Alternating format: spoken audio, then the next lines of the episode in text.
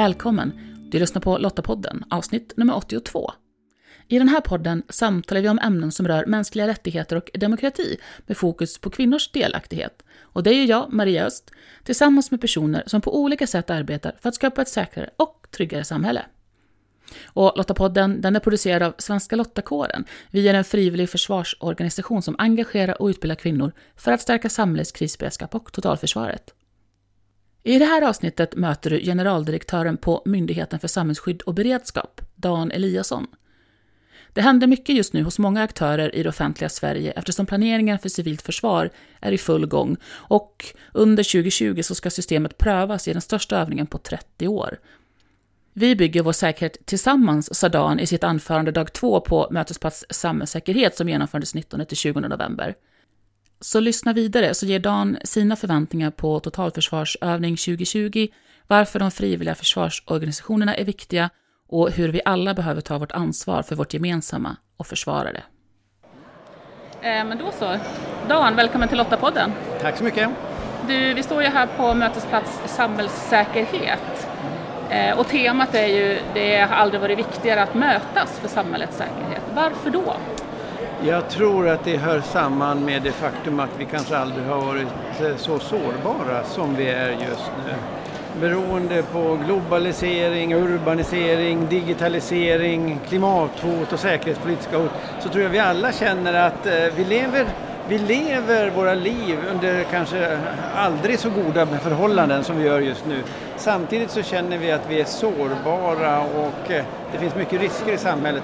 Då är det otroligt viktigt att olika aktörer träffas, jämför intryck och ser hur vi kan utveckla våra system för att både förebygga och hantera stora samhällspåfrestningar. Och du då som ansvarig för MSB, förklara lite, vad är MSBs roll? Ja, men vi brukar säga att vi, eh, vi står på fyra ben. Eh, vi, eh, vi utbildar och metodutvecklar räddningstjänst. Vi jobbar med operativa frågor. Om det går illa utomlands någonstans då skickar vi personal och stöttar då, till exempel Bangladesh eller Mosambik eller Bahamas vi, eller Bolivia vid en, bränder i Amazonas. Vi kan också stötta och samordna kriser här i Sverige som vi gjorde vid bränderna i fjol till exempel. Vi har en viktig del i, när det gäller cybersäkerhet. Och i det här sammanhanget, vi håller också på med det vi kallar för att bygga eh, krishanteringssystem och system för eh, krig egentligen, totalförsvarsplanering. Och i den senare delen så är det väldigt viktigt när vi bygger krishanteringssystem att vi då dels att vi fångar upp hur samtal och diskussionerna går bland olika aktörer, privata och offentliga, men också tar vår roll och visar vägen framåt, vad vi anser vara särskilt viktigt och vad bör uppmärksammas de kommande åren. Det försöker vi göra här idag. Vi pratar rätt mycket om att, att systemen måste utvecklas i, parallellt.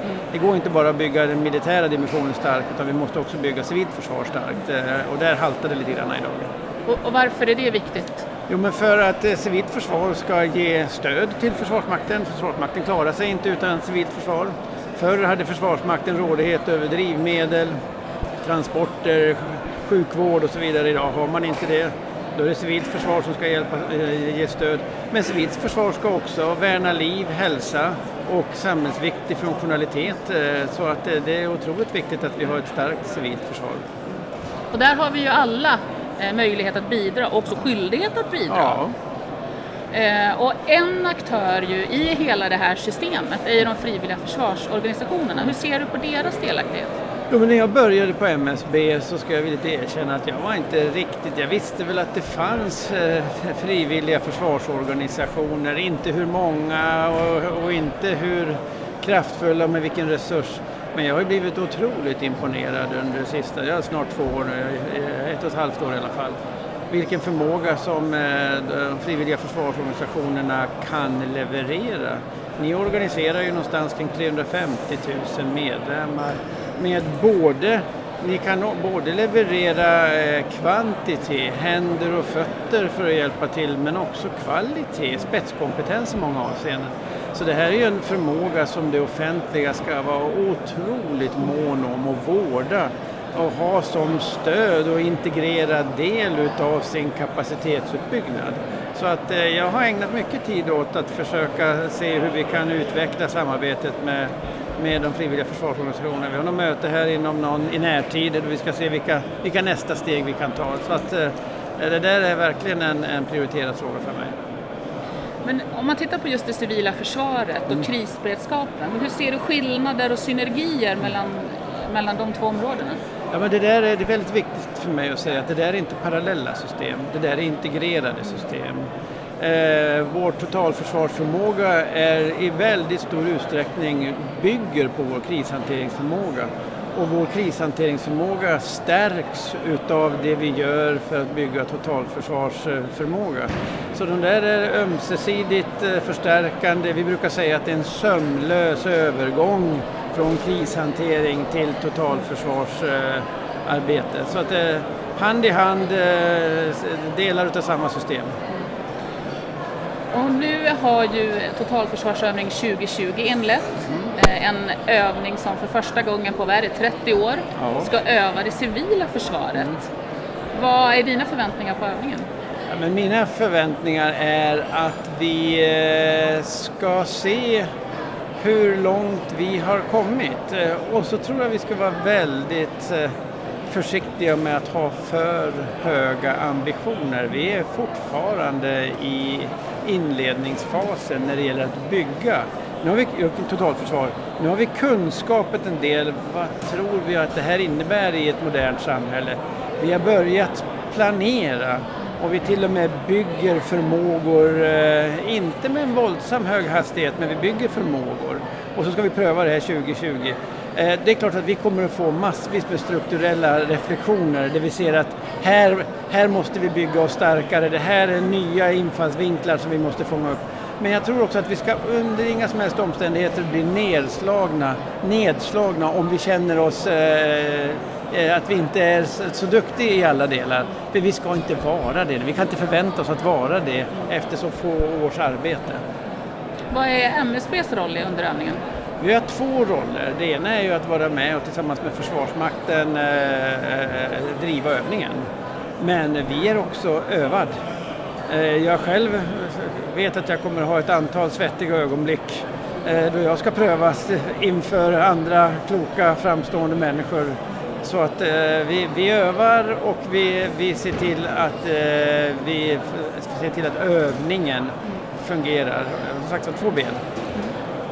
Ja, det blir spännande. Vi vet ju att vi kommer att ha en hel del frivilliga med under övningen, så jag vet att de ser fram emot det också. Ja, ja. Men du, hela, hela liksom krisberedskapsbiten och civilt försvar och planeringen för civilt försvar nu då, vad är de stora utmaningarna skulle du säga? Ja, men för mig är den, den största utmaningen att vi jobbar eh, parallellt med civilt försvar och militärt försvar. Alltså det, det, det, finns en risk att de pengar vi plöjer ner i den nya försvarsuppgörelsen att de inte blir så effektiva som de måste bli om inte civilt försvar utvecklas parallellt. Det måste finnas energiförsörjning, livsmedel, kommunikationer eh, som fungerar och det är ett ansvar för civilt försvar idag. Eh, till skillnad från tidigare då det var en del, eh, integrerad del av Försvarsmaktens arbete. Så att förutsättningarna ser annorlunda ut och därför måste parallelliteten eh, värnas i så stor utsträckning som möjligt. Sen tror jag att militärt försvar kommer alltid att ligga lite före. Det är alltid lite högre politisk visibilitet, uppmärksamhet. Men den kloke försvarspolitikern förstår också att vi, vi är inte starka på, i, i Försvarsmakten om vi inte har ett, ett, ett väl fungerande civilsamhälle som, som, som hjälper till i, i form av civilt försvar. Man brukar ju prata om att vi behöver ha ett robust eh, samhälle och att en stark försvarsvilja, att hela samhället vill bidra när det väl skorpar till sig. Vad skulle du eh, säga och uppmana de som lyssnar? Hur skulle du vilja att de engagerade sig och förberedde sig? Ja, men jag, går, jag kan inte göra annat än att berätta hur jag känner. Eh, jag älskar det här landet. Eh, det har gett mig möjligheter som jag är väldigt tacksam för. Jag har gått i skola, jag har fått högre utbildning, jag har fått arbete, jag har bildat familj. Det har gett mig ett fantastiskt fint liv, gett mig friheter som finns i få andra länder. Hela det här paketet vill jag vara en del utav att, att försvara och värna och, och utveckla. Jag tror de flesta människor, även om man ibland känner att man sitter trångt till och det är svårt, när man tänker, tänker efter vilket fint land Sverige är jämfört med många andra länder så, så tror jag att man vill vara med och, och försvara det här på olika sätt. Och vad är den enskildes ansvar då?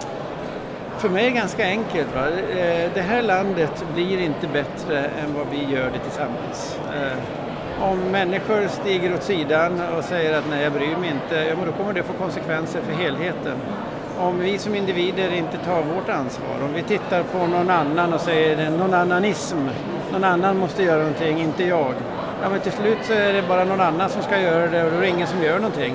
Så att eh, allting handlar om hur mycket vi tillsammans tar ansvar. Och jag tycker den svenska befolkningen faktiskt, när det blåser till, visar en väldigt stor vilja att delta. Jag tycker reaktionerna efter terrorattentat, jag tycker viljan att bidra vid bränder, jag tycker vid flyktingkrisen 2015, frivilliga engagemanget, alltså det finns där.